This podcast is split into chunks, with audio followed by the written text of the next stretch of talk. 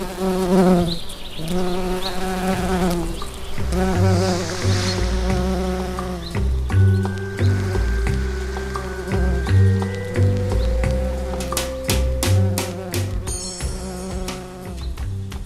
man faktiskt ha en bokhylla fylld av böcker i dessa dagar? Hur ofta har jag inte längtat efter att få fylla min läsplatta med litteratur av olika slag och därmed slippa slita ut ryggsäckar och kappfoder genom att bära böcker med mig. Nu är det dessutom så att jag ska flytta till Stockholm i sommar. Så frågan inställer sig också av den orsaken. Ska verkligen alla dessa böcker flytta med mig? Men frågan känns obehagligt pragmatisk och rationell. Egenskaper som jag gärna i andra sammanhang förknippar med mig själv. Men inte nu. Böckerna ska med, så måste det bli. Jag heter Katarina Reiman, jag är lärarutbildare och jag är din sommarpratare idag. Min bokhylla just nu är en snofsig vit sak med glasluckor. Den införskaffade jag under en märklig period i mitt liv och kan stå som symbol för något slags 50-årskris. I den står främst skönlitteratur, romaner, några diktsamlingar och en del noveller och lite facklitteratur också. För tillfället är alltihop ganska prydligt ordnat i nästan alfabetisk ordning. För en tid sedan tog jag mig för att tömma den delen av hyllan som belamrades av otaliga utskrifter av olika delar av den avhandling jag under de senaste åren brottats med. Så nu ser hyllan faktiskt rätt städad ut. Jag tittar på den och tänker. Det är ju nämligen så, tycker jag, att min bokhylla inte alls är trevligare eller bättre idag. Den fina vita som jag städat, ordnat och sorterat.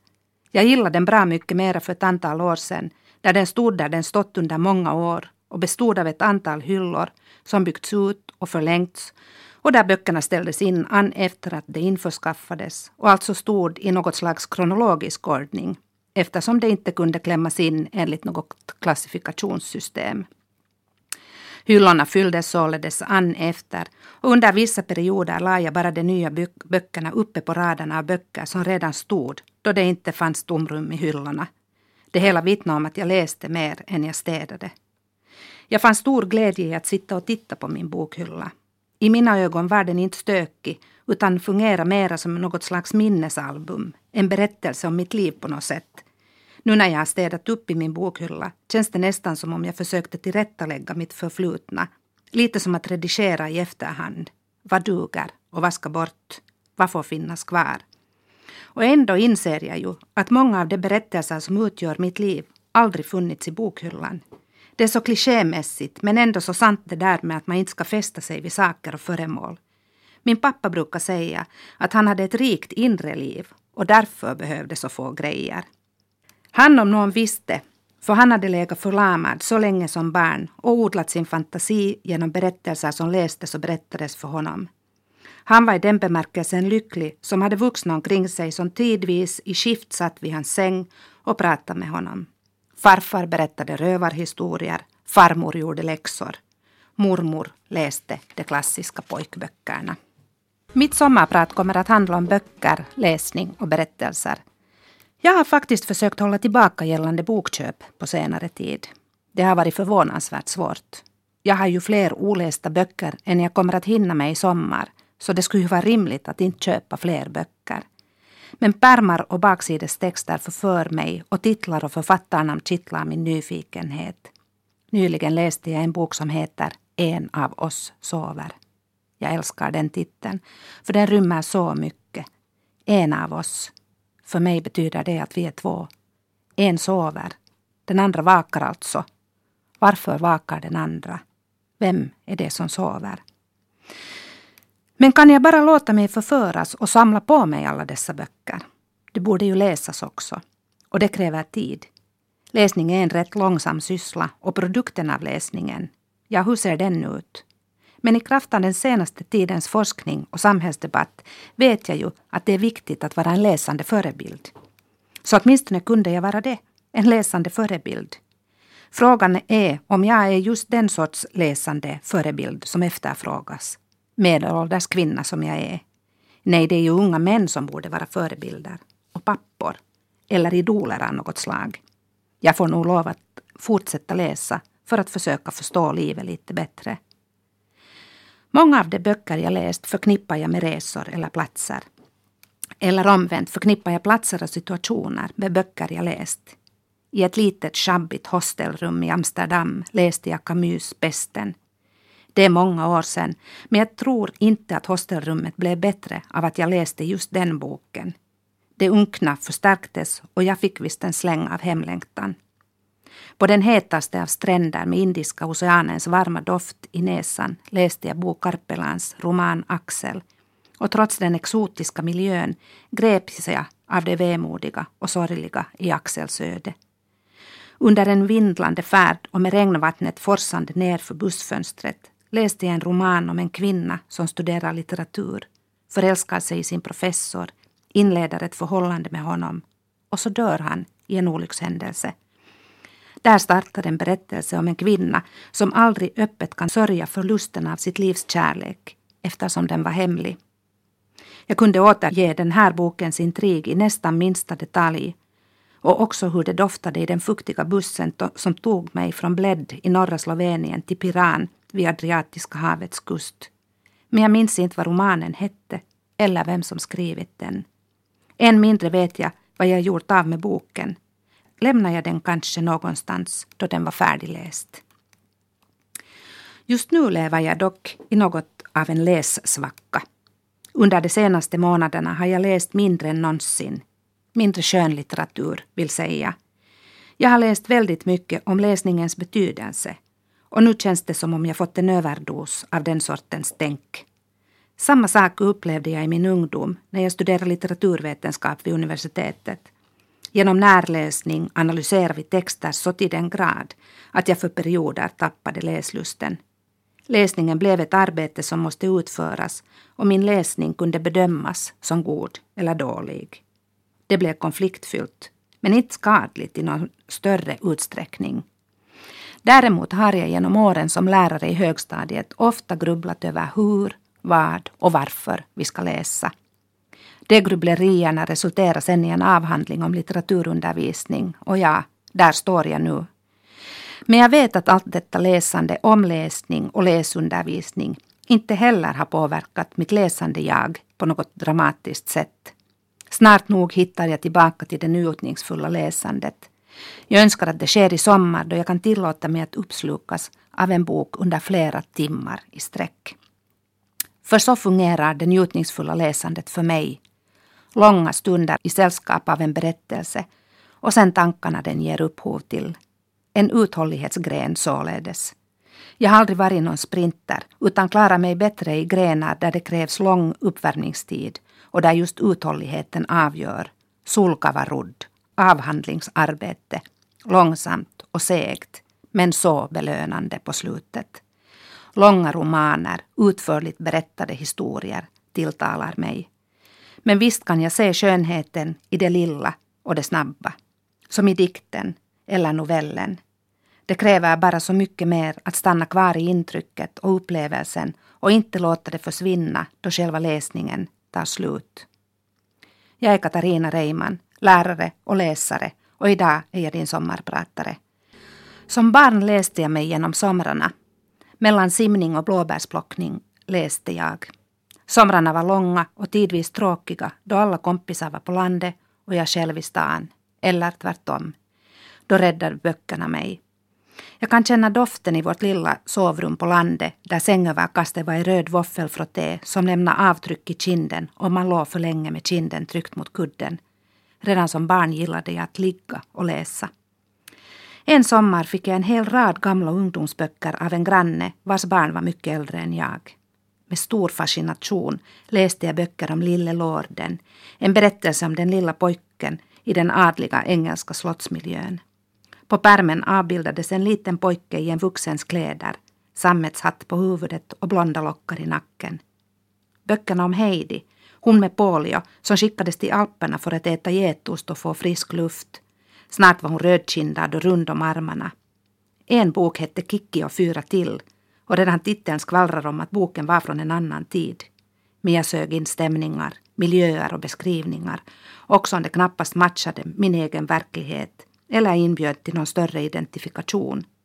Så här tränar jag min fantasi och inlevelseförmåga och det gjorde att jag snart kunde ta till mig böcker av de mest olika slag. Okritiskt, visserligen. För livligt minns jag också ett häftigt bråk med min mamma.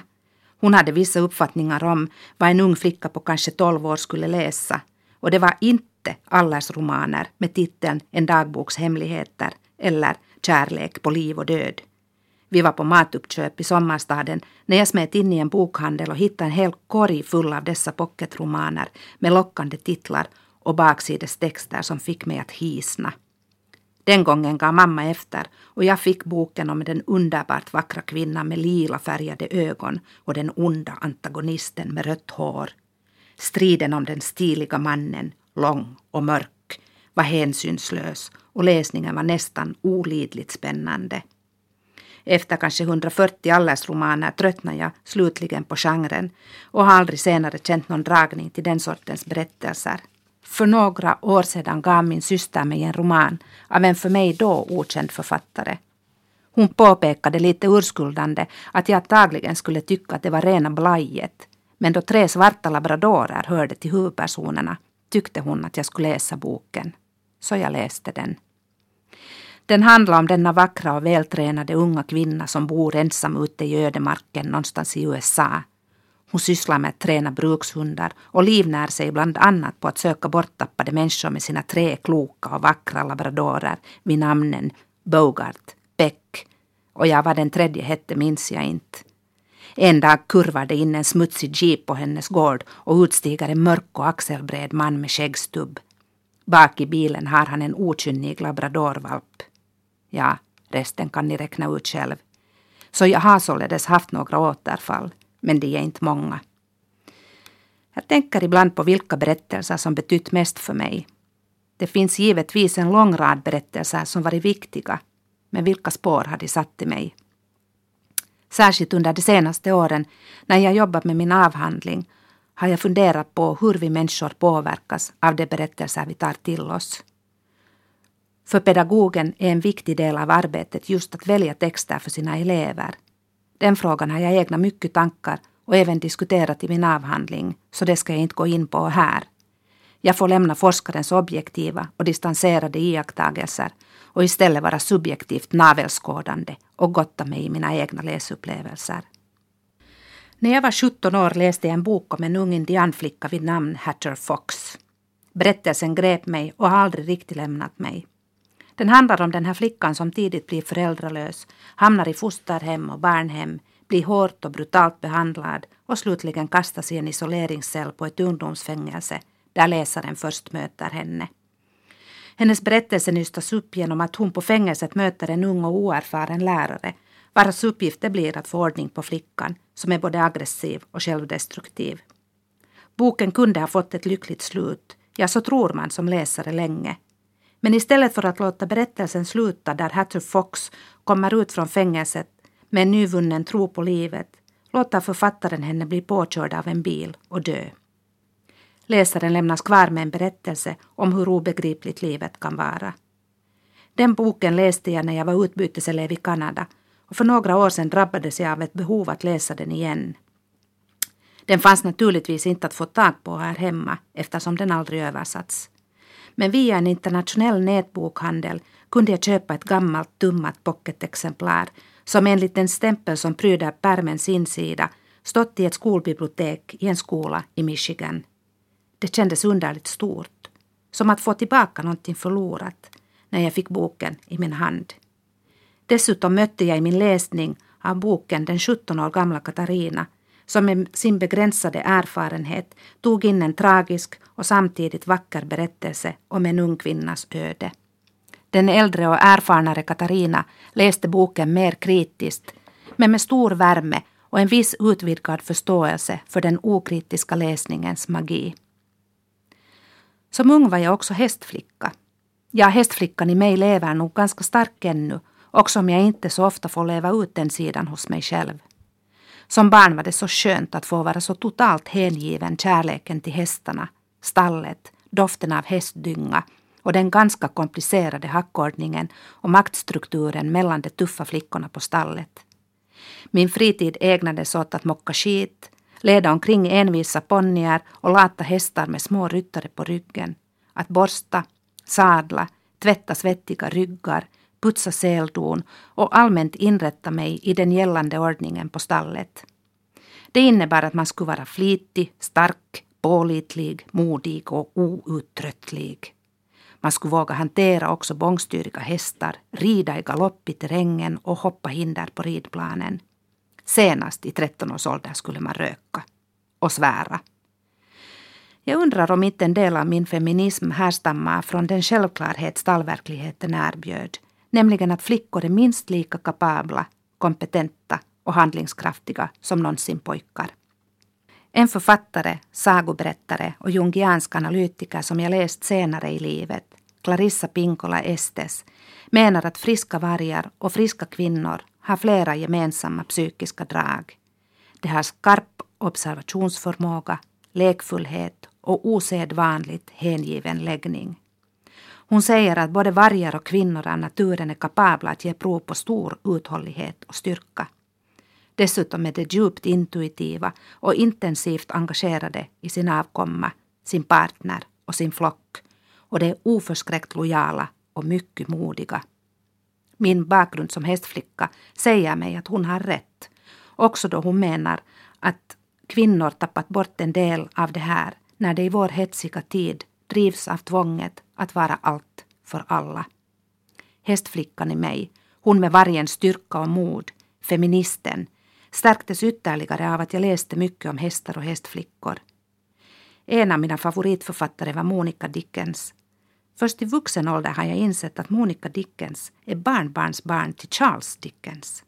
Inte så konstigt alltså att hennes böcker var läsvärda. Det jag minns handlar om Follyfoot, stallet för gamla och trötta hästar, och serien om livet i världens ände, huset som inhyser en syskonskara som tar hand om sig själv och sina husdjur medan pappan är borta för att förtjäna ihop tillräckligt för att kunna köpa huset. Berättelserna befolkas av barn som klarar av sina uppgifter och av flickor som tar ansvar och utrymme och det handlar om att värna om det svaga, om att älska ett gammalt hus också om det är förfallet och om att envist kämpa för det man tror på. När jag väljer att spela följande låt är det just för att Buffy St. Marie framstår som en envis kämpe för en humanistisk och fredlig värld. Hon skrev låten Universal Soldier på 60-talet. Och visst är det lite sorgligt att budskapet fortfarande känns aktuellt. Jag har mer eller mindre läst och skrivit mig igenom de kriser som drabbat mig i livet. Det jag skrivit finns i dagböcker som jag någon dag är färdig med och kan bränna upp. Jag är nämligen helt övertygad om att det är av föga värde för någon, inte ens för mig själv numera. Dagbokens betydelse ligger för mig i att få skriva av mig ångest och rädsla och illamående och därför har jag ibland skrivit mig igenom kvällar, nätter, morgnar, föreläsningar och tågresor. Vad som förefaller mig större är att det finns böcker som kan bära mig genom livets olika skeden. Genom böcker och berättelser får jag syn på mitt eget liv och kan distansera mig från det. Ibland dämpar jag min egen oro genom att lyfta mig själv högt upp och långt bort och betrakta mitt liv och min belägenhet från ett utifrån perspektiv. Den förmågan har litteraturläsningen helt säkert gett mig och det är jag tacksam för. Mina kriser och motgångar har handlat om de vanliga sakerna, det som är ingredienser i människans liv, så gemensamma för oss alla och som vi ändå är så smärtsamt ensamma om när det gäller. Som ung mamma oroades jag över att inte vara god nog. Den lilla babydottern skrek ilsket och ibland förstod jag varför men ofta förstod jag inget alls utan var gråtfärdig och trött och förtvivlad. Jag läste allt som kom i min väg om föräldraskap och försökte så gott jag kunde. När hon blev lite större kunde vi tillsammans finna stor glädje och tröst i att läsa tillsammans. Inte minst när lilla syster föddes var räddningen ofta att läsa med stora syster, som inte var så rysligt stor men ganska irriterad på den nya bebisen. Vi skrattade åt Barbro Lindgrens böcker, fast på lite olika ställen, hon och jag. Vi skrattade också åt Astrid Lindgrens berättelser, men också där på lite olika ställen. Det är så underbart med dessa högläsningsböcker som talar både till barnet och den vuxna. Vi läste sagor och ni vet hur det är. Vissa böcker läste vi tills det föll i bitar. Men i svårare kriser har jag också funnit tröst i läsningen. Några av mina nära har dött i svåra sjukdomar. Genom att läsa skönlitterära berättelser, dikter och naturligtvis också facklitteratur har jag kanske förstått lite mer och insett att inte jag och mina kära är ensamma med de fasor som alkoholism och schizofreni innebär. För dem som insjuknat och för de anhöriga som ofta hjälplösa står bredvid. Men jag har naturligtvis också sysslat med eskapism och låtit fängslande berättelser ta mig långt bort från allt det svåra. När jag skilde mig mådde jag väldigt dåligt och jag läste bok efter bok med manliga huvudpersoner i ett kanske desperat försök att förstå något av det manliga sättet att tänka och agera. Men en av de viktigaste läsupplevelserna i den krisen var Siri Hustvedts bok Sommaren utan män. I den kunde jag identifiera mig med den kvinnliga huvudpersonen, en litteraturlärare i medelåldern, lämnad av sin man. Mitt huvud var fyllt av skärvor och i magen gnagde sorgen och jag trodde allt var förbi. Det var trösterikt, inte bara att romanens huvudperson på många plan liknade mig, utan också att bokens personer var kvinnor. Bara kvinnor. Jag är Katarina Reiman och jag är din sommarpratare idag. Jag har lärt mig en hel del om världen genom att läsa. Och det är ju också så vi lärare motiverar vikten av att läsa för våra elever. I böckerna möter vi människor och kulturer som vi aldrig skulle möta annars. Men det som gör läsningen så fascinerande är ju att vi alla startar vår läsning i ett alldeles subjektivt utgångsläge. Så kommer samma böcker att tala till olika människor på olika sätt.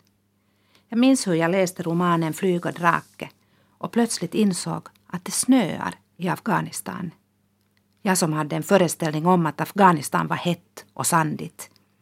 När romanen framskred insåg jag många andra saker också Saker som känns nästan lite pinsamma att erkänna. För jag insåg att jag visste väldigt lite om den delen av världen och att jag hade en massa fördomar. Genom den skönlitterära formen fick jag en alldeles speciell insyn i ett samhälle som tidigare bara var ett ofta kusligt inslag i nyhetsrapporteringen. För mig framstår det som självklart att litteraturen har enormt mycket att ge oss människor, också i form av kunskap. För jag undrar om inte min bild av världens kriser och krig nyanserats och fördjupats genom de berättelser jag läst. Nej, jag kan ju nog ärligt säga att jag vet att det är så. Att läsa Herta Müllers böcker om livet i ett totalitärt samhälle sände krypande obehag genom mina nervbanor. Och tacksamheten över att leva i en demokrati förstärktes med ens ett snäpp. Så menar ju också den amerikanska filosofen Martha Nussbaum till exempel att det är livsviktigt att vi i skolan läser litteratur och sysslar med musik, konst och drama. Bara på så sätt kan vi fostra sant demokratiska medborgare som besitter det hon kallar narrativ fantasi. Genom berättelserna kan vi sätta oss in i andra människors situation och jag vill så gärna tro att den förmågan gör oss lite mindre själviska. Men genom berättelserna kan vi också gestalta vårt eget liv. Min norska avhandlingshandledare skriver i en av sina böcker om vikten av att internalisera berättelsens struktur, den som redan Aristoteles beskrev. Alla goda berättelser har en början, en mitt och ett slut. När man är mitt i en kris behöver man förstå att man bara är i mitten och sen följer ett nytt slut och en ny början. Den kunskapen är viktig att förmedla till våra elever och jag kan hålla med henne om att ett av skolans viktigaste uppdrag är att skänka barnen och de unga en tro på livet och framtiden. Det kan verkligen kallas livskunskap. På senare tid har jag blivit allt mer medveten om hur jag gestaltar mitt eget liv som en berättelse. Jag har gått i terapi, samtalsterapi under en svår period i mitt liv och då noterar jag att min terapeut aldrig gjorde några anteckningar. Ändå kunde hon precis komma ihåg vad jag berättat. Varje klient blir en berättelse, förklarar hon. Och igen insåg jag kraften i berättelsen. Jag undrar om mina skolframgångar hade sett annorlunda ut om jag själv eller mina lärare hade förstått sig på det här med berättelsen. I historia till exempel hade jag alltid svårt att förstå sammanhangen och kronologin i olika skeenden. Speciellt krigen var för mig ett antal personer, händelser och fredsavtal men hur det hela hängde ihop var ingalunda självklart. Däremot kunde någon berättelse belysa en liten bit och därmed förstod jag något mer av den stora bilden.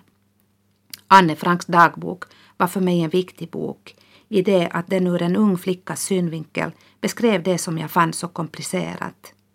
Jag läste Sofie Oksanens bok Puhdistus, Utrensningen, och fick en mycket tydligare bild av förhållandet mellan Ryssland och Estland. Men också förstod jag något mer om vad det innebär att vara desertör. Ja, just den boken öppnar för så många svåra frågor och visar med stor tydlighet hur de verkligt stora frågorna faktiskt kan belysas i en fiktiv berättelse. Den litterära formen tillåter mig att grubbla och tänka vidare genom att den aldrig kommer med de färdiga svaren. Därför är frågan om vad som är sant och vad som är påhittat i en berättelse många gånger ointressant. Det som betyder någonting är om det som berättas kunde vara sant eller om det känns trovärdigt. Medan, medan jag säger det här inser jag att det inte är så enkelt heller. För några av mina favoritförfattare väver in magiska inslag i sina texter och plötsligt blir det realistiska varvat med det märkliga som vi inte kan förklara. En av de författare som jag återkommer till är Isabel Allende. I ett underbart Youtube-klipp inleder hon ett föredrag med ett judiskt talesätt som lyder ungefär så här. Vad är sannare än sanningen? Och svaret är The Story, berättelsen. För mig som nu inleder ett nytt skede i mitt liv, som vid fyllda 53 ska flytta bort från Finland och byta jobb och börja dela vardag och liv med en ny familj, gäller det verkligen att få ordning på den berättelse som utgör mitt liv. Jag går naturligtvis bakåt och försöker se mönster och ledtrådar. Var infaller höjdpunkter och vändpunkter? Var finns transportsträckorna och var nådde jag botten? Men som en del i den processen gäller det nog att se framåt och verkligen berätta hur det ska gå. För som någon klok person sagt, framtiden är inte någonting som kommer till oss utan någonting som vi skapar. Så jag försöker nu se framför mig ett nytt hem där min bokhylla får stå länge, länge på samma vägg. Där den får växa och fyllas med böcker som känns aktuella. Och jag ska köpa böcker. Jag ska köpa böcker som känns kittlande och böcker som jag vill ha. Och jag ska fortsätta köpa böcker som är viktiga. Och jag ska rada mina böcker i hyllan enligt något system som jag upplever som meningsfullt. Och då kanske det blir i tematiska kategorier som böcker jag läst när jag varit ensam, böcker om kärlek, böcker från resor, böcker jag fått och böcker jag gärna vill prata om. Där kommer säkert att finnas en kategori med böcker jag måste ge bort och en som innehåller böcker till tröst. Jag ska nog ha en kategori för böcker jag måste återvända till, en för böcker jag inte förstår och en för böcker jag ska ge en chans till. Jag är Katarina Reiman och i sommar ska jag flytta till Stockholm, men idag är din sommarpratare.